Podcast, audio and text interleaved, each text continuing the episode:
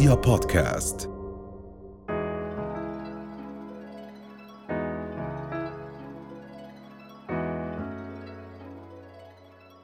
أهلا وسهلا بكم من جديد. معنا الدكتورة حنين الداوود وهي طبيبة باطنية وباحثة في زيادة الوزن ومقاومة الأنسولين. والحديث عن هذا الموضوع مقاومة الأنسولين. أهلا وسهلا دكتورة صباح الخير. صباح الفل. أهلا وسهلا. دكتورة بجوز يعني حاليا ما ما بمرق يوم ما بنسمع عن مقاومة الأنسولين. آه، سواء أشخاص بفحصوا بحكي لك أنا معي مقاومة أنسولين أو مواضيع يعني بتختص الوزن تحديدا والسكري آه، في هذا الموضوع. فشو يعني مقاومة الأنسولين بشكل هيك مبسط؟ okay. نحاول نبسطها بس نفهم إنه هرمون الأنسولين هو هرمون مهم بالجسم كبداية. يعني نحن ما بنحاول نجرم هذا الهرمون لأنه هرمون أساسي آه، يساعد على ضبط سكر الدم. مشكلتنا الأساسية لما نحكي كلمة مقاومة أنسولين وهذا الوباء اللي عم نشوفه في كل الأعمار له علاقة بالارتفاع الارتفاع المستمر لهذا الهرمون آه، أعلى من آه، من معدله الطبيعي بشكل مستمر الارتفاع المزمن نعم. ال chronic hyperinsulinemia فإحنا هاي هي مشكلتنا الأساسية وأي شيء بيرتفع بالجسم بشكل مستمر الشيء الطبيعي إنه الجسم أو الخلايا تبلش تقاوم عمله بمعنى إنها ما عاد تستجيب زي لما يكون في حالته الطبيعية فما عاد هذا الإنسولين يشتغل زي ما كان المفروض يشتغل وصار في عندنا حالة من التعويض باستمرار ارتفاع هذا الهرمون بشكل مستمر. وبتصير عندنا بعديها مجموعة من الأمراض المزمنة اللي بترتبط ارتباط وثيق بارتفاعه. نعم. طب ارتباطه آه، بالسكري. أيضا آه، يعني بشكل مبسط لو سمحتي. كيف بيكون سو ببساطة الجسم بيعطي للإنسان سنوات طويلة ليمرق في مرحلة ارتفاع الإنسولين عبين ما يوصل لمرحلة السكر النوع الثاني. فخلال هاي السنوات إحنا بنسميها مقاومة الإنسولين.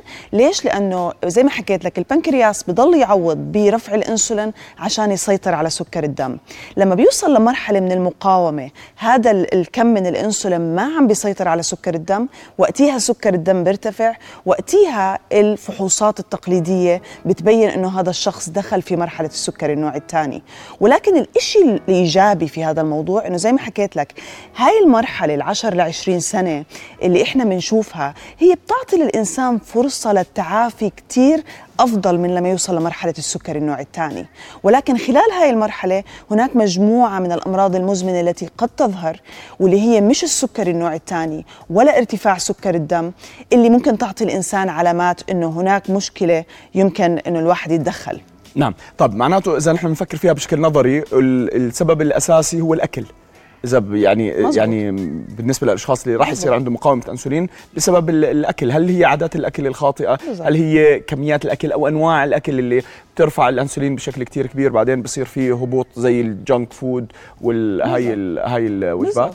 هلأ إحنا دائما بنقول إنه شو اللي صار اللي عمل هالثوره إنه وين ما كان عم نسمع مقاومة الأنسولين؟ هل هي ترند هل هي بس يعني صيحة الناس بدها تحاول تجذب فيها الناس عن طريق ال social media؟ والجواب هو لا. الجواب ان إحنا في مرحلة رح نشوف في أعداد متزايدة من مقاومة الأنسولين. فالشيء اللي صار خلال ال 30 سنة الماضية من السبعينات لهلا. هناك تغيير حدث أدى إلى إنه عم نشوف أعمار أقل مصابة بالسكري عم نشوف أعمار أقل مصابة بالكبد الدهني وأعداد أكبر. م. يعني بالوقت اللي كنت أنا آه، يعني إحنا بنشوف آه، مرض السكري النوع الثاني أو مشكلة الضغط وهي المشاكل في أعمار أعلى من الستين هلأ عم بيجي الأطفال في أعمار 12 سنة عندهم مشكلة الكبد الدهني اللي بترتبط ارتباط أساسي مقاومة الإنسولين وبنشوف السكري النوع الثاني. وبالتالي في شيء صار بهدول ال 30 30 سنة. هل هو جيني؟ الجينات ما رح تتغير ب 30 سنة. فمعناته اللي تغير هو ال soil أو نحكي عن البيئة. م. هناك عامل بيئي دخل على الخط وغير وصار في عندي هاي التغيرات. نعم. وهذا العامل أساسه اللي المفروض معظم ال physicians ومعظم الأطباء يكون عينهم عليه كبداية هو العامل الغذائي. م. عرفت؟ إذا أنا قدرت أتحكم بالعامل الغذائي هون بصير في عندي آه، يعني علاج جذري لهي المشكلة. نعم لما نحكي عن العامل الغذائي دكتورة بنحكي إن إحنا تغيرت عادات تغيرت عادات الأكل عند عند بالزبط. عند الناس عند البشر كلها بشكل عام صح؟ وهي الشغلة هي بتتعلق بنقطتين أساسيات. اللاعب الأساسي بمقاومة الإنسولين بعصرنا الحالي هو آه، زي ما الكل بيعرف السكر والنشويات البسيطة. ولما بنحكي السكر سواء عم نحكي عن سكر الأبيض سكر المائدة وسكر الفاكهة الفركتوز الفركتوز لما بحكي سكر الفاكهة إحنا ما بنحكي عن الفاكهة بأليافها ولكن عم نحكي عن العصائر عم نحكي عن الصودا وعم نحكي عن الأطعمة المعالجة. معظم الأطعمة المعالجة حاليا فيها شراب الذرة وشراب الفركتوز وهذا مسبب أساسي للكبد الدهني ومقاومة الأنسولين. نعم.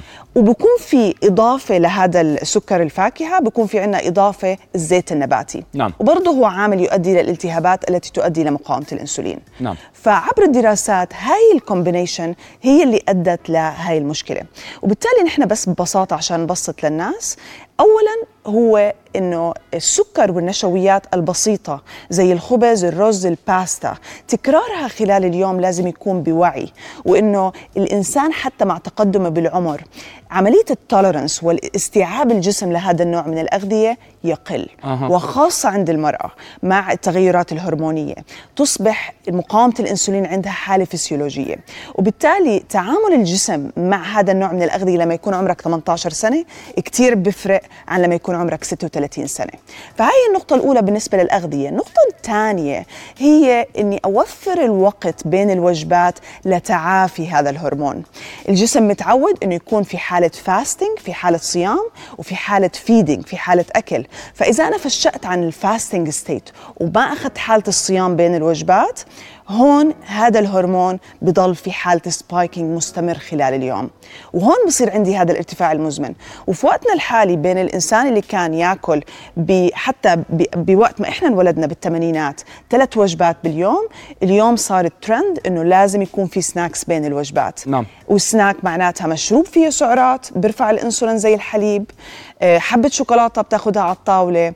آه، العادات كلها تغيرت لما بتكون قاعد على مكتبك بتاكل. هذا الحكي ما كان موجود زمان. نعم. الابندنس الوفرة. للأكل. يعني هاي نقطة كثير مهمة. الوفرة نقطة كثير مهمة.